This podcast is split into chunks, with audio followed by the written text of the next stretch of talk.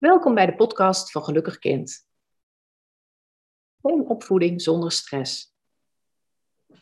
Er is geen ontkennen aan, we leven in een stressvolle maatschappij, waar verwachtingen heel hoog zijn. Is stress dan echt zo slecht voor de ontwikkeling, vragen ouders ons met regelmaat. Gezonde spanning en een beetje stress maken ons namelijk scherp. We zijn dan meer gefocust en gaan optimaler om met ons geheugen. Een gezonde stress zorgt ook zodat we doelgericht kunnen zijn. De andere kant is, we leven in een maatschappij waar we heel vaak aanstaan en waar onzekerheid en angst een grote rol speelt. Dat maakt dat we ons eerder omgeven door ongezonde stress en ook vaak schadelijke stress dan door gezonde stress. De invloed van stress in de opvoeding en de ontwikkeling van je kind is een onderwerp van deze tijd. En die mag natuurlijk niet ontbreken bij de podcastserie van Gelukkig Kind. Woede en stress. Er is eigenlijk geen ouder die het kan vermijden. En er is dus ook geen kind dat eraan ontkomt. De vraag is dan, wat, wat kun je als ouder doen voor of na stresssituaties? Wat heb je nodig om stresssituaties voor je kind en voor jezelf te balanceren? En welke positieve en negatieve invloed heeft stress op de ontwikkeling van een kind? Er zijn er mogelijkheden om met stress om te gaan en stress te ontladen. En wat gebeurt er als je stress niet ontlaat? Je hoort dit in deze podcastaflevering. Welkom bij de podcast van Gelukkig Kind over opvoeden. Waar je het verschil kan maken. Niet alleen voor je kind, ook voor je hele gezin zodat je het gezin krijgt waar je als vader en moeder tijdens de zwangerschap van droomde. Een gelukkig kind krijg je niet door alleen een overvloed aan positieve ervaringen, juist door ook samen door de dalen van het leven te gaan. En vervolgens samen weer de balans te vinden, leert het kind zijn leven te leven. En ontdekt het kind wat geluk is. Wij zijn twee zussen, Birgit en Edith Steins, en we hebben samen meer dan 30 jaar ervaring in het geven van kinderen- en jongerentherapie en oudercoaching. En opvoeden kan je plezier en voldoening geven. En kinderen hebben ons laten zien wat ze van ouders nodig hebben om problemen op te lossen. En vaak ook problemen voor te zijn. Onze grote liefde is ouders bijstaan in het proces van opvoeden. Zodat zij meer inzicht, meer vertrouwen en vaardigheden krijgen in het liefdevol opvoeden van hun kind. In deze podcast neem je mee in de wereld van de stress. Hoe kun je zorgen voor een fysieke en mentale gezonde ontwikkeling? Ondanks de stressmaatschappij waar we in leven. Heel veel plezier. Podcast aflevering 21. Stress en opvoeden. En hoe ga je hier het beste mee om? Ben jij dan een ouder die denkt, ach, mijn kind moet tegen een stootje kunnen? Die komen we al vaker tegen in de praktijk, hè Birgit? En, en die denken dat die stress goed is voor de ontwikkeling van het kind. Want mijn kind wordt daar sterk van. En, uh, Weerbaar van. Ja, precies. precies. En, en het moet tegen een stootje kunnen, want zo is de maatschappij. Precies. Maar je hebt ouder, ook ouders die het volledig tegenovergestelde zijn en die denken, dit, dit, is, dit is niet voor een kind te dragen. En die worden juist beschermd in alle negativiteit en stress. Nou, die zorgen eigenlijk ook dat, en die zeggen ook, eh, we moeten het positief maken, want dat komt ten goede van het kind. En dat is natuurlijk mooi als je positief in het leven kan staan. Maar eh, waar ligt eigenlijk het antwoord? En, moet je daar tussenin gaan zitten? Moet je aan de ene kant zitten, positief? Of moet je het kind volledig kunnen laten omgaan met die negativiteit? Ja, dat, dat is de vraag. Ja. En, en ik denk dat die ergens ertussenin zit. Want aan de ene kant wil je je kind uh, beschermen voor een stukje maatschappij. Dus het is ook goed om die veiligheid te geven. Maar als je te veel beschermt, leert een kind niet omgaan, hè, wat we net ook zeiden, met de dalen van het leven, met de negativiteit en de stress die daar ook in zit. En als hij op een gegeven moment op eigen uh, benen staat, zal hij toch daarmee om moeten leren gaan. Ja, het is eigenlijk best wel moeilijk als ouder hè? Om, om te kijken van waar zit ik nou en hoe ga ik daarmee om. Het heeft ook met jezelf te maken. Want, want eigenlijk als je kijkt vaak zien we stress als een vies woord, maar ja, ik denk dat stress geen vies woord is. Zolang je op een gezonde manier met stress omgaat en het kind ook leert om te ontladen, want iedereen krijgt stress en je weet zelf als volwassen, als je niet ontlaat, dan stapelt het zich op en, en ja, je weet hoe dat uitwerkt bij jou persoonlijk. Dat kan heel verschillend zijn. Mhm. De ene wordt er ziek van, de ander krijgt, eh, gaat harder spreken en, en wordt wat boziger. Iedereen heeft daar zijn eigen reactie in. Ja, de eigenlijk ander. door... Ja, sorry? Nou ja, sommigen trekken zich terug. Kan dat kan je niet altijd zien, hè? Je kan niet aan je kind zien eh, wat daaronder zit, Nee, precies. onder het gedra- onder het gedrag. Ja, precies. Maar wat eigenlijk dus, dus wat belangrijk is, dat, dat een kind leert om iedere keer wel balans te vinden. Dat is ook wat jij natuurlijk als ouder doet. Daarvoor zie je ook steeds meer dat we, dat we dingen gaan doen als yoga en meditatie om echt die rust te vinden. En zo kan een kind van jongs af aan al leren eh, wat dat is om balans te vinden. En, en iedere volgende stap beweegt het kind dan veel meer naar zelfstandigheid. En dat is een fundament waar het kind op kan bouwen. Dus wat jij zegt, Edith, enerzijds eh, leer je ze dat frustratie een, een stress een onderdeel is van het leven. Mhm. En anderzijds leef je je, leef je, eh, je kind v- voor eigenlijk hoe je je Ja. rust kan pakken op het moment dat je te veel stress in je lijf hebt zitten. Ja, precies. Want je wil eigenlijk dat het kind al leert wat jij nu als volwassen bent leren. Dat er gezonde stress is en hoe ga je daarmee om? En wat als er ongezonde stress is, hoe ga je dan eh, ga je daarmee om? Want een kind krijgt ook eigenlijk al stresssituaties, deadlines, eh, op school of, of in sport of wat dan ook, conflicten. Het gaat om met oneerlijkheid. Nou ja, en het begint eigenlijk al natuurlijk heel jong dat je daarmee te dealen hebt. Daar komen we zo meteen ook verder op terug. Maar heel jong heb je al stressvolle situaties. En als, als, als babytje lijkt het wel alsof ze er makkelijker mee om kunnen gaan. Ja, ja, Je hoofd recht houden, hè? dus die steeds naar beneden zakt als een soort gumminek. En, en toch probeer je elke keer weer dat hoofd in balans te krijgen. ja. Dus eigenlijk ben je er veel meer op voorbereid. En op een gegeven moment wordt het een automatisme. Ja, het hoort er nou eenmaal bij. Ja, precies. En, en dan ga je. Hm. Ja? Dus het, het, het gaat dus er eigenlijk om, eh, mag jouw kind die stress ook laten voelen dan? Hè? Mag dat kind ook? Of ben jij een ouder als je kind in de box ligt en probeert te keren en je merkt dat het steeds met het gezicht naar beneden terechtkomt eh, en dat het oncomfortabel is? Ben je dan een ouder die er liefdevol naast staat en kijkt of er niks misgaat en laat je kind zijn eigen frustratie en struggelingen houden? Of ben jij een ouder die dan snel ingrijpt? Ja. Ja, dus, dus wil je eigenlijk het, het gras voor de voeten van het kind wegmaaien, zodat de stress wegkomt. Maar dan krijg je eigenlijk dat het kind minder stressbestendig wordt. Want het kan, als er dan op een gegeven moment een heftige stress op wat voor manier dan komt, dan overweldigend da- dat. En eh, dan moet het kind daarmee dealen. En jij hebt eigenlijk het gras voor het, de voeten van het kind weggemaaid. Dus goed bedoeld, liefdevol, maar het werkt dus eigenlijk averechts, want het wordt te veel. Terwijl ik wel, wat ik net zei, het is wel belangrijk om er liefdevol naast te staan. Dat je kind Ja. wel het vertrouwen heeft om het zelf te doen. En dan zit je toch in die balans waar we het in het begin mee hadden, over hadden. Daarom is het ook zo moeilijk, hè? Dat maakt heel... Want hoe ga je ook zelf als ouder om met je eigen stress in zo'n situatie? Het kan ook stress bij jou oproepen als je Ja. kind in een stressvolle situatie zit. Maar laten we eens kijken naar je, je kinderen die bijvoorbeeld ruzie hebben. Mhm. Eh, ben je dan een ouder geweest die steeds, of ben je nu een ouder die het steeds oplost voor je kind? Of laat je het heel erg bij je kind liggen, waardoor je je kind leert hoe het met deze frustrerende situaties om kan gaan en een oplossing kan bedenken? Maar wat was jouw ervaring daarin? Toen je kinderen jong Nou ja, hoe, hoe jonger je kind is, hoe meer begeleiding er nodig is, want ze hebben nog niet die vaardigheden. Maar naarmate je kind het gaat leren, hoe je de, ehm, het perspectief van de ander kan bekijken en je Mhm. eigen perspectief kan, eh, kan benoemen, dan krijg je steeds meer inzicht in jezelf en in de ander. Precies. Waardoor, het, ehm, waardoor die lading ook minder groot wordt. Als jij tegen je kinderen roept, ophouden, ik wil geen ruzie, stop er maar mee, dan levert dat veel meer stress op. Terwijl als je ze leert om conflicten op te lossen, kan die stress ook weer zakken. Hmm.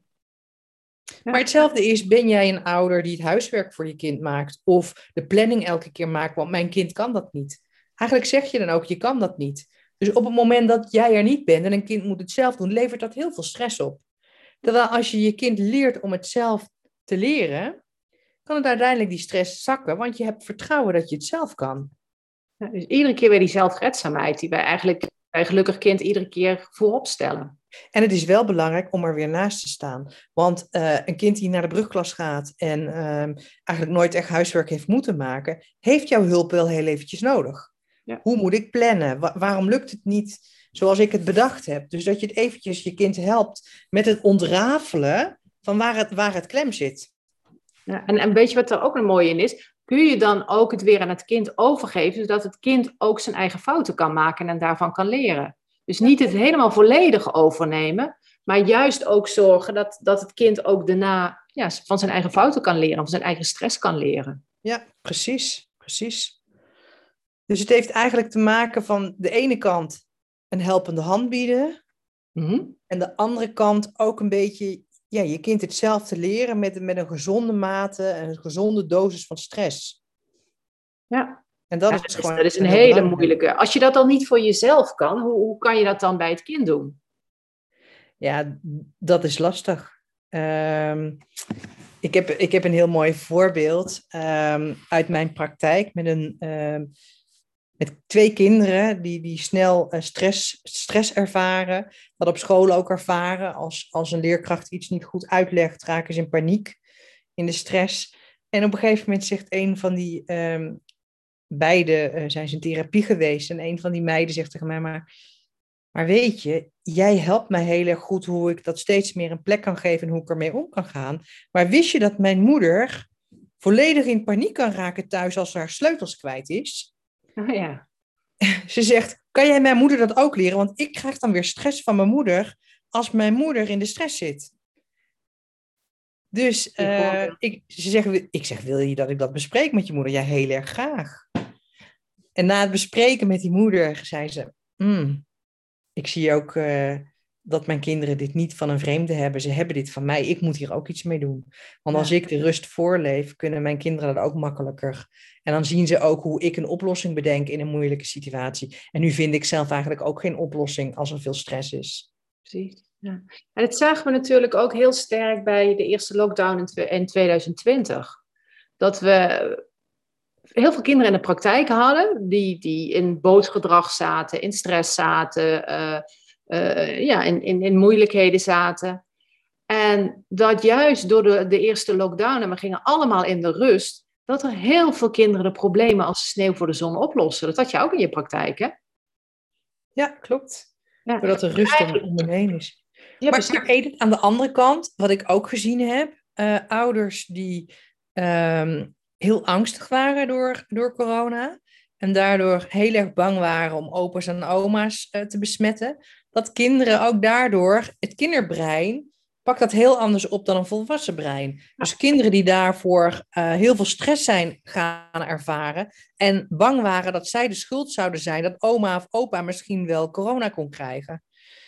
Uh, en die kinderen lieten dat zien door andere vormen van angsten en stress. En dit zat eronder. Precies, precies. Zelfs, zelfs kinderen die gewoon niet meer wilden leven. Dat was de, de, hele, de hele heftige kant. Dus je ziet echt het extreme stress en de extreme rust. Wat dat, wat dat voor kinderen kan opleveren. Dus als je daar al bepaalde stappen in, in zet om die rust te pakken. En, en uh, lossen problemen zich al vanzelf op. Dat is zo mooi. Ja. Hey, dus laten we jullie meenemen in wat er gebeurt als er te veel stress is.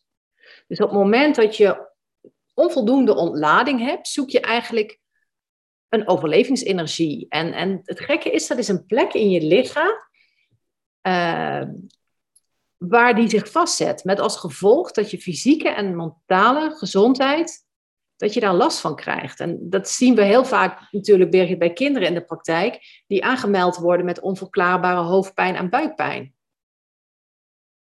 Ja, fysiek, ja, want fysiek is er vaak niks te vinden en toch, toch hebben ze er last van. Ja, en, en, de vraag die ik eigenlijk altijd stel, en die zou je jezelf ook kunnen afvragen, als je kinderen kent met, met hoofdpijn en buikpijn, wat gebeurt er in vakanties? Is die buikpijn en stress er dan ook nog? Of is het, school, is het dan schoolgerelateerd? Dus je kan heel goed gaan afpellen, waar komt die hoofdpijn en buikpijn vandaan? Want voor kinderen is dat vaak ook heel moeilijk om dat te gaan uitzoeken waar het vandaan komt. Ja, Ja. ja, en je schrikt natuurlijk als dat te vaak voorkomt. Dan wil je dat nu natuurlijk zorgen dat dat weer niet gedaan wordt. Dus ja, logisch dat ze dan aangemeld worden voor coaching of therapie. Ja, en wij zeggen dan heel vaak, hè, eigenlijk is het een soort signaal dat zich een trauma aan het vormen is. En dan schrik je een beetje trauma, want ja, dan overdrijven jullie, want trauma is toch echt iets heel heftigs wat je meemaakt. En wij noemen het eigenlijk hele kleine traumaatjes, ja. die uiteindelijk uh, een groot trauma kan worden. Precies. Ja? Dat stapelt kan zich opstapelen. Ja, en trauma is helemaal geen vieze woord, net als dat stress geen vieze woord is. Het is een naam die we ergens aan gegeven hebben. En eigenlijk ontstaan trauma's als gebeurtenissen niet zo goed verwerkt worden. Ja. En geen plekje kunnen krijgen. Ja, moet ik nog denken aan, aan laatst een casus van een meisje van 16 jaar. Die uh, heel veel problemen heeft om voor zichzelf op te komen. Ze durft uh, op school uh, durft ze geen hulp te vragen. Ze cijfert zichzelf weg. En ja, en het lijkt allemaal alsof dat kleine probleempjes zijn. Maar toen we dat allemaal gingen afpellen, kwam ze eigenlijk ook uit op wat er in het systeem, in de familie speelde. En een van de grote dingen, wat voor haar verrassend was, voor haar ouders verrassend en voor mij verrassend, dat ze als vierjarige met de oma, waar ze heel dol op was, niet mee is genomen in de laatste fase naar de hospice. Ze is wel mee naar de begrafenis genomen, maar niet naar die hospice. Nou, toen kwamen tranen. En dat was echt een catharse van ontlading. Dus je ziet dat zich dingen opgestapeld hebben vanaf die vier jaar. Er zijn dingen daarna ook nog gebeurd. En, en, en je ziet dat dat op de zestiende eigenlijk heel veel in het gedrag veranderd had. daar staan we niet bij stil. Ja, dus eigenlijk wat jij zegt is, ze durfde niet voor zichzelf op te komen, geen hulp durven te vragen op school, ging zichzelf wegcijferen. Dus het zijn lading op lading op lading eigenlijk. Hè? En op een gegeven moment weet je niet meer waar het trauma uiteindelijk vandaan komt. Ja, nou dus eigenlijk het trauma waar eigenlijk het zaadje geplant is, waar je jezelf even bent weg gaan cijferen, waar je de ontlading van je emotie niet een plek hebt kunnen laten geven, omdat je vier jaar bent en dat nog niet zo goed uh, kan weergeven. En later ook niet meer weet waar het vandaan komt, ook niet als ouder. En wat, wat ik heel belangrijk vind, Edith, um, geen enkele ouder kan perfect opvoeden. Elk mens, elk kind uh, maakt traumaatjes mee. Iedereen. Echt iedereen. En dat maakt jou ook bovenal mens. Dat vormt je. Dat zorgt dat je bepaalde karaktereigenschappen uh, hebt. Um, en jij bent ook gevormd als ouder, weer door jouw ouders. En jouw ouders weer door hun ouders. Ja, en zo gaat dat generatie op generatie gaat dat door. Dus dwaal niet met je gedachten af. En geef jezelf niet de schuld als je kind een traumaatje heeft opgelopen. Want dat kan je niet vermijden. Dat kan niet. Precies. Want iedereen komt situaties tegen die, die zorgen voor stress. En uh, nou ja, die houden, houden, die laten eigenlijk gewoon diepgaande stresssporen achter. En dat zet zich vast als herinnering in je lijf. En als er in dat moment weinig ontlading is, ja, dan, dan kristalliseert die pijn zich als herinnering in je lijf. En dat vind ik zo ontzettend mooi van dieren, Edith. Ja. Is uh, als dieren een stressvolle situatie uh, hebben, uh, nou, dan geven ze zich over. Liggen ze doodstil, lijken ze hazen dood op de grond te liggen. En ze verzetten zich niet. Ze, uh, omarmen even de situatie die er is. En wij als mensen, als we iets meemaken wat niet zo fijn is, gaan vechten. En verzetten tegen, tegen de pijn die we dan voelen. Ja, of doorgaan, doorgaan en, en, en er is niks aan de hand, het is oké, zie je wel. Tranen gaan ja. vanzelf weg. Zie je ook bij vogeltjes, dus die, die liggen stil. Maar op een gegeven moment zie je ook dat ze heel erg gaan trillen. En heel erg gaan bewegen en schudden. En dan, dan, dan zijn ze dus bezig om die stress te zorgen dat hij zich niet vastzet in een lijf. En ja, prachtig om te zien. Daar kunnen we heel veel van leren. En daar zijn we wat verder van, van vandaan gegaan. Ja, dus eigenlijk ontladen dieren heel makkelijk. En mensen ontladen wat lastiger in situaties als ze dingen meemaken. Dus het is veel rationeler. Ja, ja en dat, dat is zoals de mens werkt. Ja, het is zoals het is. En je kan, je kan deze dingen dus niet allemaal wegnemen voor je kinderen. Dat kan niet. Maar weet je wat het mooie is, Birgit? Mhm. Of het nou kleine of grotere trauma's zijn, zodra niet voldoende ontlading geweest is, laten ze zich iedere keer weer zien en komen ze in een andere vorm omhoog. En eigenlijk zeggen ze, we willen serieus genomen en iedere keer krijg je een nieuwe kans om te ontladen. Ja. En balen voor jezelf af en toe, dat je denkt, oh, nou, ik dacht dat het nu weg was. Maar ja, het is zo mooi dat, dat op het moment dat je lichaam de, uh, de overlevingsenergie nog vasthoudt, dat je iedere keer weer de kans krijgt om te ontladen. En iedere keer wordt dat oude patroon herhaald. En tot er op een gegeven moment geen stress meer is. En dat, dat, dat je die niet meer opslaat, maar zodat je hem ontlaat. Dus ik weet nog dat mijn, uh, tijdens mijn opleiding dat gezegd werd van, van waar ligt nou het verschil? Waar ligt nou bij coaching en bij therapie en, en wat, dan, wat voor vorm dan ook, ligt uh, het verschil. Dat is als het niet gevoelde gevoel echt gevoeld wordt. Als je weer durft te gaan terug naar, naar dat moment. Ik moet ook denken aan de training die wij, uh, die wij ook geven bij een Holland Birgit. Dat steeds meer, je steeds meer ziet dat uh, leerkrachten, als we dit aan hun vertellen, dat ze ook zeggen, kom maar op. Ik wil er nu iets aan doen en daarvoor openstellen. Nou, het vind ik zo'n prachtige moment om dat te zien. Ja, ja. Dus wat, wat wel belangrijk is, Edith, want uiteindelijk wil je weer terug naar die modus van veiligheid en verbondenheid. Hè? Ja. Ehm, waar je door je trauma soms vandaan bent gegaan, dan ben je verder bij jezelf, um, ben je jezelf voorbij gerend eigenlijk. Ja. Maar eigenlijk de eerste stap is dat je hoop hebt op verandering. Precies. En dat je kan veranderen, dat je uitzicht hebt op veranderen. En vertrouwen hebt dat jij dit kan. Precies. En, en dat, is, dat is zo mooi in ons, in ons brein. Misschien heb je wel eens een keer gehoord van neuroplasticiteit. Dat wil zeggen dat het brein altijd in staat is om nieuwe verbindingen aan te leggen. En als je nieuwe verbindingen aanlegt, kunnen oude verbindingen zelf weer teniet gedaan worden. Dus je kunt nieuwe paadjes in je brein aanzetten van dingen die waar je eigenlijk een verbinding hebt gemaakt in je brein en, en vastgelegd hebt, die te maken hebben met kleine of met grote trauma's. En je gaat nieuwe verbindingen aanleggen. Dus wij zijn tot, in, tot heel veel dingen in staat om de negatieve kant op te bewegen, maar ook de positieve kant op te bewegen. Ja, ja mooi is dat, hè? Dat is mooi. Maar wat ik elke keer wilde zeggen is, neem jezelf niks kwalijk als ouder. Precies. Echt, helemaal niks. En, en durf het te aanschouwen, waardoor je ook die verandering in kan zetten, zowel bij jezelf als bij je kind. Ja, het, het is eigenlijk de stap zetten en, en hoop hebben dat het ook kan veranderen. Ja, zodat je niet vast blijft zitten. Precies, en ook durven, durven te zeggen, ik wil veranderen. Dat willen is ook een hele belangrijke. Ja. ja.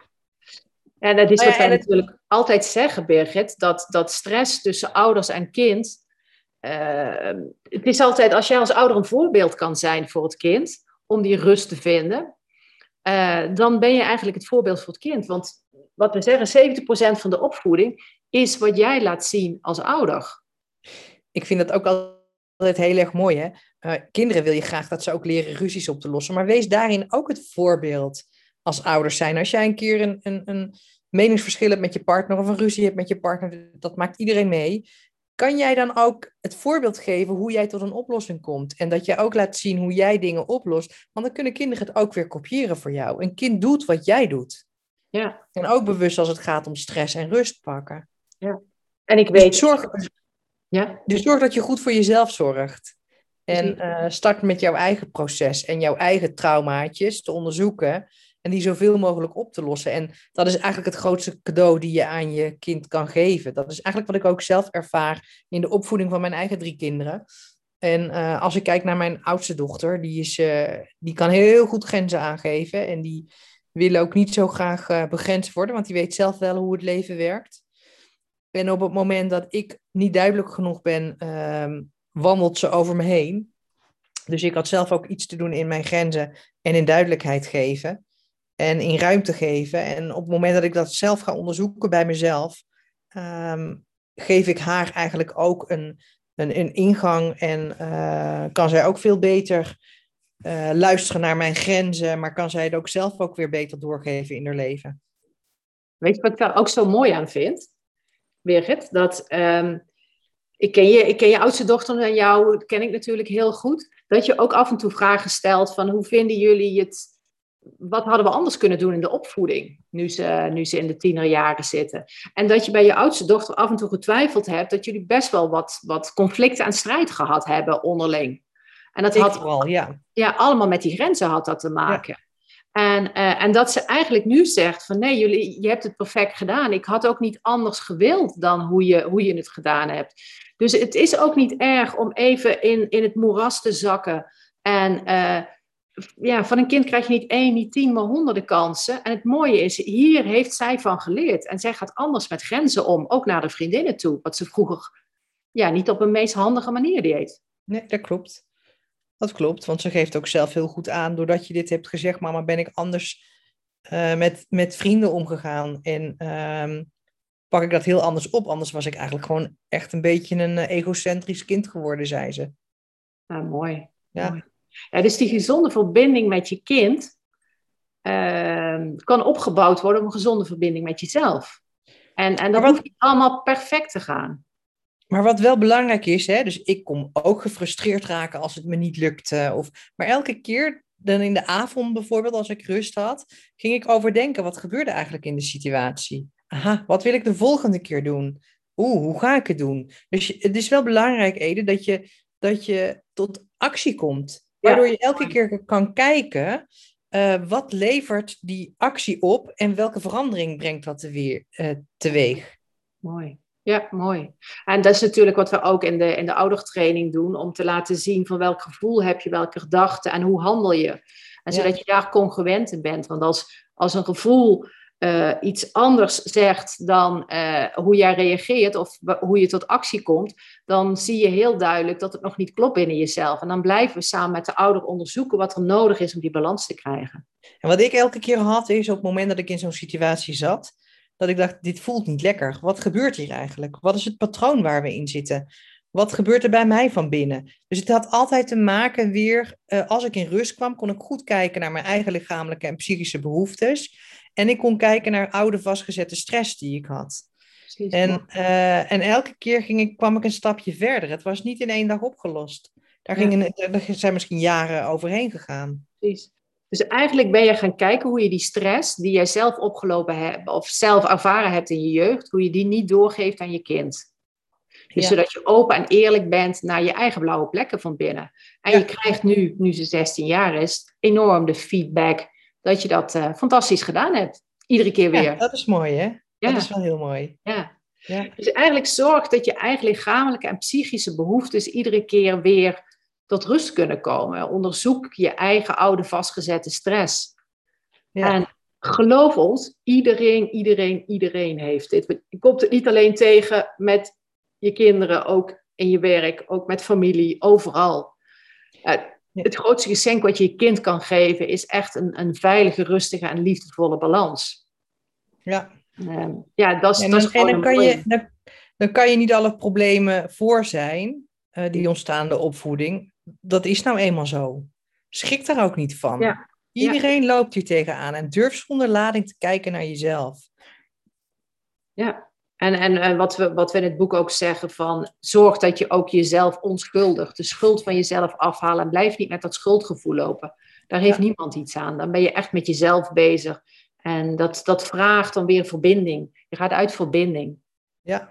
Dus eigenlijk ja, dat niet gevoelde gevoel weer voelen. Durven te accepteren dat het even niet lekker is gegaan. En het hoort erbij. Dalen horen bij het leven. En ja. zorg dat je jezelf dus opnieuw ontwerpt.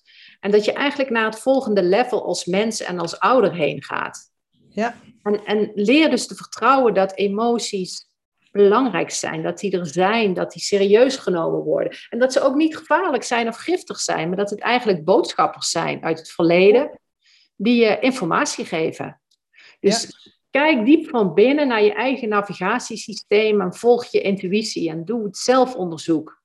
Met als doel om weer in die puurheid te komen, je eigen potentie en je eigen kwaliteiten te zien. En dat wil je ook voor je kind. Dus leef dat voor. Geef het door. Ja, en wat belangrijk is, een stukje zelfzorg erin. Precies. Ja. ja. Dus om op te voeden vanuit rust, vertrouwen en verbinding. Hmm, mooi. En eigenlijk, kinderen zeggen het vaak heel mooi in de praktijk. Als ik me goed voel, dan voel ik me normaal en gewoon. Ze voelen ja. zich neutraal, zonder oordeel en oprecht nieuwsgierig zijn. En eigenlijk is dat eigenlijk wat ze ook van jou als ouders nodig hebben. Ja, dat is toch het prachtigste als je, als je echt gewoon zonder oordeel ook, ook de strijd kan aangaan die er is. Ja. Ja, Prachtig. Nou, dit, volgens mij hebben we voldoende mooie boodschappen meegegeven, Birgit. Dat denk ik ook. Nou, heel veel succes gewenst met, uh, met de dingen die wij besproken hebben. Tot de volgende keer. En super dat je weer luisterde naar een podcast-aflevering van Gelukkig Kind. En ben je door deze podcast enthousiast geworden en wil je nog meer stappen maken? Dan hebben wij iets moois voor jullie. Gelukkig Kind geeft een zesdaagse oudertraining om je eigen uitdagingen te onderzoeken. En op een veilige en liefdevolle manier maak jij een verrassende stap als mens en als opvoeder. En dat is ook wat we steeds terugkrijgen, Edith. Hè? Dat ze niet als, uh, als opvoeder veranderen, maar ook als mens, als in zijn totaliteit. Je kan jezelf niet loskoppelen. Jij krijgt een ander kind en je zal niet alleen trots zijn op je kind, maar ook op jezelf. Het leven wordt makkelijker. En ook de opvoeding wordt makkelijker. Het gaat haast vanzelf. En wist je dat we ook wekelijks gratis webinars geven? Ga naar gelukkigkind.com en klik op webinars. En vind je deze podcast interessant en wil je deze delen met een andere ouder? Ga naar de drie puntjes en kies delen.